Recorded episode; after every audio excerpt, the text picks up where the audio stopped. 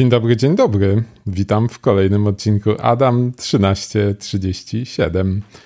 Dzisiaj tylko trzy newsy, bo są nieco dłuższe niż zwykle, ale też dlatego, że chciałem zacząć od przypomnienia o mojej fantastycznej promocji. Jeżeli pracujecie w firmie, która zatrudnia przynajmniej 100 osób, jak tam paru brakuje, to przymkniemy oko, to możecie dostać mój wykład za darmo. Ja mam taki cykl wykładów, 45 konkretnie wykładów, Security Awareness, budowanie świadomości użytkowników i chcę rozdać przynajmniej jeden odcinek, a jak powiecie, że jesteście z podcastu, to nawet i dwa odcinki dostaniecie zupełnie za darmo, bez żadnych haczyków, pod jednym warunkiem. Dostając je, obiecujecie mi, że wykorzystacie je w edukacji pracowników. No dobra, i nawet jednego pracownika, to też warto. Ale oczywiście im więcej pracowników wyedukujecie, tym ja będę bardziej zadowolony i tym więcej sensu będzie miała cała ta akcja. Te nagrania obejmują w zasadzie wszystkie tematy, które moglibyście chcieć poruszyć ze swoimi pracownikami, jeżeli czegoś brakuje na tej liście. A listę znajdziecie pod adresem z3s.pl przez gratis. Tam jest spis wszystkich 45 odcinków wraz z opisami, co one zawierają. Jeżeli na tej liście czegoś brakuje i uważacie, że w waszej organizacji coś by się przydało, czego na tej liście nie ma, to ja to chętnie nagram. Nie mam z tym żadnego problemu. Zresztą większość tych odcinków powstała właśnie dlatego, że ktoś mówił, że czegoś brakuje. Dlatego nagrywam kolejne. Nie mam nic przeciwko temu, żeby tych odcinków było 100 a, albo i więcej. Oczywiście e, są poruszane również takie klasyczne tematy. Są hasła, dwuskładnikowe uwierzytelnienie, bezpieczeństwo poczty, jak rozpoznać, że e-mail jest fałszywy, jak rozpoznać niebezpieczny załącznik, jak korzystać bezpiecznie z bankowości internetowej, jak korzystać bezpiecznie z mediów społecznościowych, jak dbać o, o bezpieczeństwo dzieci w sieci, jak unikać ataków typu business email compromise, jak unikać ataków targetowanych, jakie w ogóle rozpoznawać, jak nie pozostawiać po sobie śladów w sieci, jak dbać o swoją prywatność i anonimowość co, co są dwa różne tematy w internecie. Jak generalnie zachowywać się w sieci, żeby być bezpiecznym, jak badać metadane dokumentów, które zostawiamy, które wysyłamy klientom. Tematów jest naprawdę pod dostatkiem. Myślę, że każdy znajdzie coś ciekawego dla siebie. To jest unikatowy materiał na polskim rynku. Jeżeli widzieliście, że ktoś ma coś podobnego, to dajcie znać, bo ja naprawdę zrobiłem szerokie badanie i wydaje mi się, że, że nikt nawet się nie zbliża do takiej objętości w swoich ofertach. No, plus te treści też są dosyć unikatowe, bo ja mam swój styl, w jakim to opowiadam i wielu osobom się to podoba. Kilkaset tysięcy osób z różnych firm już ogląda e, takich klientów płatnych, drugie tyle pewnie już jest tych bezpłatnych, a wasza firma również może do tego grona dołączyć. Żadnych haczyków, żadnych zobowiązań, dwa odcinki gratis, jeżeli powiecie, że jesteście z podcastu. Wystarczy wejść na z3s.pl/gratis tam znaleźć listę odcinków, wybrać dwa, napisać do mnie i powiedzieć, czy chcecie format wideo, czy HTML. Bo jak ktoś chce osadzić plik na swojej platformie szkoleniowej, nie mam z tym żadnego problemu, dostanie link do pliku MP4, MOV. Jak chcecie jakiś inny format, też wam zrobię. A jak nie macie miejsca na platformie, na przykład może nie macie platformy w organizacji jeszcze, to można również osadzić na intranecie po prostu kod HTML playera. Ja zapewniam, że ten player będzie działał i działa. I tak to sobie wszystko hula.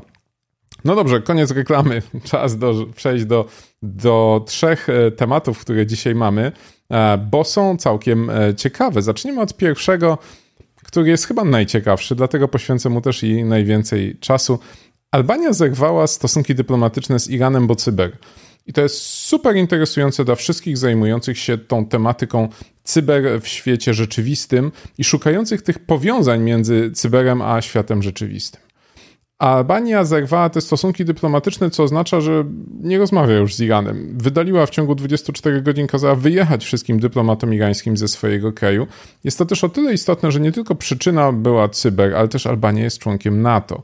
Więc jest to coś w rodzaju symbolu, coś w rodzaju gestu, który pokazuje, że można zareagować na cyberataki konsekwencjami dyplomatycznymi, takimi dosyć e, stanowczymi. To nie jest tak, że wy, wywalamy jedną, dwie osoby, proszę wyjechać persona non grata. Nie. Cała placówka dyplomatyczna sio do, do Iranu z powrotem. Co się stało w ogóle? Dlaczego Albania tak zareagowała? 15 lipca doszło do bardzo poważnego ataku na rządową infrastrukturę albańską, przeprowadzonego przez równolegle kilka grup irańskich dla odmiany rządowych irańskich. Więc te grupy nie tylko zaszyfrowały, nie tylko DDoSowały, ale generalnie bardzo mocno nabruździły w albańskich systemach. Kilka tygodni zajęło niektórym ministerstwom przywrócenie sprawnego działania infrastruktury, z której korzystali obywatele, co faktycznie no, jest kategorii poważny atak.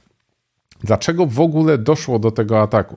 Prawdopodobnie te cztery grupy kontrolowane przez e, irańskie ministerstwo, tam to się nazywa chyba służb specjalnych i wywiadu, ochrony informacji, czegokolwiek, no służby specjalne irańskie, e, cztery grupy hakerskie kontrolowane przez irańskie służby specjalne zaatakowały Albanię, ponieważ Albania mm, dała schronienie grupie, którą Iran określa jako terroryści. Ten skrót tej grupy to MEK, ja nie, nie będę rozwijał, bo nie potrafię. I ta grupa MEK miała robić w Albanii konferencję, y, już tydzień później konferencję na temat wolnego Iranu. Konferencja się nie odbyła, została odwołana w związku z rzekomym zagrożeniem terrorystycznym. Natomiast skąd mamy pewność, że to właśnie Iran? Po pierwsze powiedział tak Mandiant, po drugie powiedział tak Microsoft, więc w zasadzie już jesteśmy pewni. A po trzecie grupa, która zaatakowała, widzicie, po, po lewej jest logo pewnej grupy, która atakuje Iran, a po prawej jest logo grupy, która zaatakowała Albanię. E, wygląda jakby była to zemsta za te ataki, których e, doświadczył Iran. A jakich ataków doświadczył Iran? No, jak ktoś słucha programu, to wie, że jest taka grupa jak drapieżny wróbel i to właśnie to logo po lewej, taki faktycznie drapieżny wróbel dla tych, którzy wersję audio słuchają, a po prawej jest logo drapieżnika, który próbuje złapać tego wróbla, więc te ataki drapieżnego wróbla na Iran były całkiem poważne. E, ja przypomnę, że była blokada stacji benzynowych, to wszystko cyber. Blokada linii kolejowych, też cyber. E, były awarie w hutach stali, też cyber. Był wyciek filmów z irańskiego więzienia, bardzo nieprzyjemny dla Iranu. Także te ataki cyber były poważne. Czy to była Albania? Wszyscy chyba się zgadzają, że był to Izrael i Izrael tym cyberwróblem postraszył Iran, a Iran musiał jakoś zareagować i niestety w Izraelu mu się nie udało, bo tam ochrona jest dosyć dobra, więc zaatakował Albanię. Dlaczego tak? No kogoś musiał, na kogoś musiał zrzucić tę odpowiedzialność.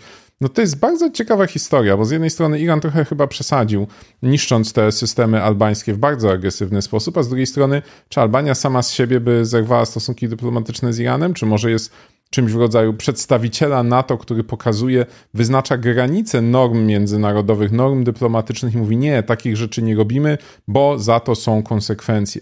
Więc bardzo ciekawa rzecz, studiowana pewnie będzie przez wiele, wiele lat jako przykład dyplomatycznej, surowej reakcji na cyberatak. Rzecz bez precedensu do tej pory. Mieliśmy reakcje kinetyczne. Może pamiętacie kiedyś Izra Izrael zaatakował y, oddział cyber Hamasu y, rakietą, wysadzając ich biuro, w którym nie wiem, czy były, czy nie były osoby, które tam akurat pracowały. Natomiast no, ta historia jest faktycznie pewnym precedensem na, na, na w świecie dyplomatycznym w świecie wielkiej polityki. I to jest taka naprawdę cyberwojna. Tak? Z jednej strony mamy cyberatak, z drugiej mamy reakcję już taką zwyczajną na, na warstwie dotychczasowych relacji międzynarodowych. Więc bardzo, bardzo ciekawa sprawa. I kolejny bardzo ciekawy temat z kategorii również moich ulubionych, znowu coś, czego nie było, tym razem wyciek z TikToka, którego nie było. O co tutaj chodzi? No więc pojawiły się w internecie przecieki wskazujące, że gdzieś jest jakiś wyciek z TikToka. E, jedna z grup takich Anonymous e, się tutaj e, objawiła i stwierdziła, że ma wyciek z TikToka. Mm, większość ludzi podeszła do tego mocno sceptycznie, choć niektóre media skoczyły na temat, no bo wyciek z TikToka, o Boże, o Boże, 2 miliardy danych i tak dalej. Natomiast no jakby znając tego rodzaju afery, trzeba było na to spojrzeć spokojnie i zobaczyć, że tak naprawdę chodzi o mm, informacje, które w internecie wyczaił niejaki Bob Diaczenko. To jest ekspert, który znajduje otwarte bazy danych i znajduje je w wielu różnych technologiach i bazy danych, i repozytoria, i, i no generalnie wszystko, co jest dużą ilością danych wystawione do internetu bez autoryzacji ma jakieś skrypty, które po tym internecie biegają i szukają tych informacji i znajdują. E, I regularnie przegląda całe IPv4 i pewnie kawałek IPv6, żeby takie informacje znajdować, ponieważ trzeba to robić regularnie, bo te dane się pojawiają, no bo można by powiedzieć, no raz ktoś znajdzie takie dane, ujawni, no to już nikt więcej ich nie wystawi do internetu. No nie, codziennie są nowi administratorzy, którzy jeszcze nie wiedzą, że nie należy takich baz wystawiać do internetu i wystawiają. Więc Bob Diaczenko skanuje te bazy e, i pisze o nich na Twitterze i pisze o nich na swoim blogu czy blogu firmy, która oczywiście co robi, reklamuje VPN-y. Bo jedna dokładka jeszcze ma dosyć sporą konkurencję, bo jest to jednym chyba z najprostszych sposobów generowania newsów w działce cyber. Ja bardzo niechętnie piszę o takich rzeczach, no bo to bez przesady, dopóki to nie dotyczy jakiegoś dużego polskiego podmiotu, a kiedyś Bob Diaczenko znalazł bazę dużego polskiego podmiotu i o tym też pisałem, to, to nie ma sensu tego nagłaśniać, bo to głównie jest e, reklama e, oczywiście mocno kontrowersyjnych usług e, świadczących przez firmy udające, że zabezpieczają wasze dane, czyli VPN-y, te, te komercyjne. Więc oni po prostu wynajmują sobie takiego badacza, który generuje im newsy, generuje im kliknięcia, generuje im odwiedziny na stronie, wyciek danych i tutaj nazwa jakiejś znanej marki. Raz w miesiącu zawsze się zdarzy, jak się ma szybkie skrypty. No i tak to się kręci ten świat cyber i incydentów i, i wycieków. No, dziwne to trochę jest, no ale to też przypomina, że jeżeli widzicie gdzieś jakiegoś newsa o jakimś wycieku, to dobrze jest go zweryfikować. Ja z doświadczenia wiem, że jest z tym sporo roboty często. Często trzeba sprawdzić, co w tym wycieku się znajduje. Czasem trzeba nawet pobrać te dane, żeby zobaczyć, co tam jest, bo nie ma na przykład żadnych próbek wystawionych do internetu. E, więc e, jeżeli nie chcecie tego robić sami, to zanim nagłośnicie taki wyciek, zanim zaczniecie biegać trzymając się za głowę, albo przynajmniej retweetować tego rodzaju informacje, sprawdźcie, co na ten temat piszą jakieś źródła, do których macie zaufanie. Jakieś. Wybrane, zaufane. Polecam.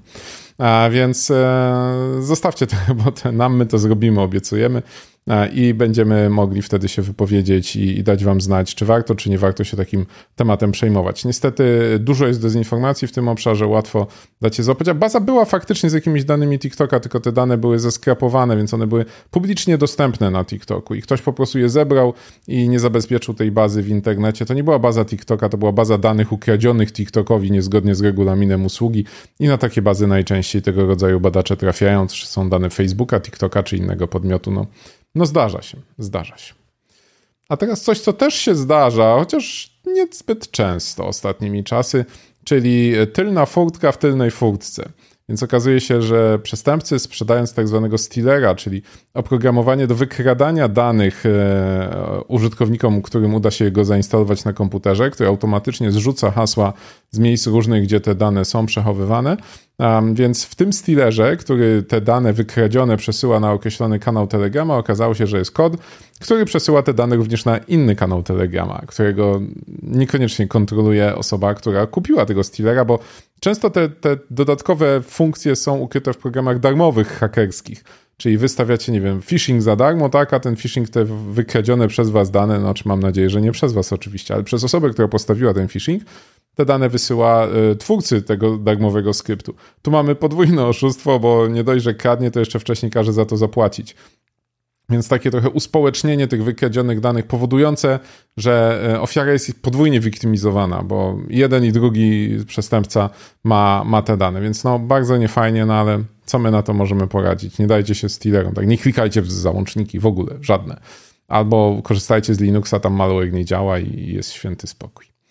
No dobrze, to teraz jeszcze na samo zakończenie przypomnę. Do 18 września, może przedłużę do 19, ale do, do poniedziałku za tydzień jest, e, jest czas, żeby zgłosić się po swoje dwa darmowe wykłady z całej puli. Jak dobrze wybierzecie wykłady, to one nawet mogą trwać prawie godzinę, bo dwa najdłuższe odcinki gdzieś do około godziny się sumują. A jak wybierzecie krótsze, to może być i 15 minut na, na dwa odcinki. Średnio jest tak między 10 a 20 minut odcinek, więc zgłaszajcie się z3s.pl gratis. Taki jest URL. W tym tygodniu znowu nie ma rozmowy kontrolowanej, bardzo za to przepraszam, ale tak tam wyszło. Za to może zrobię jakiegoś live'a o 21 w niedzielę, więc jak chcecie, to zajrzyjcie. Dziękuję bardzo i do zobaczenia. Cześć.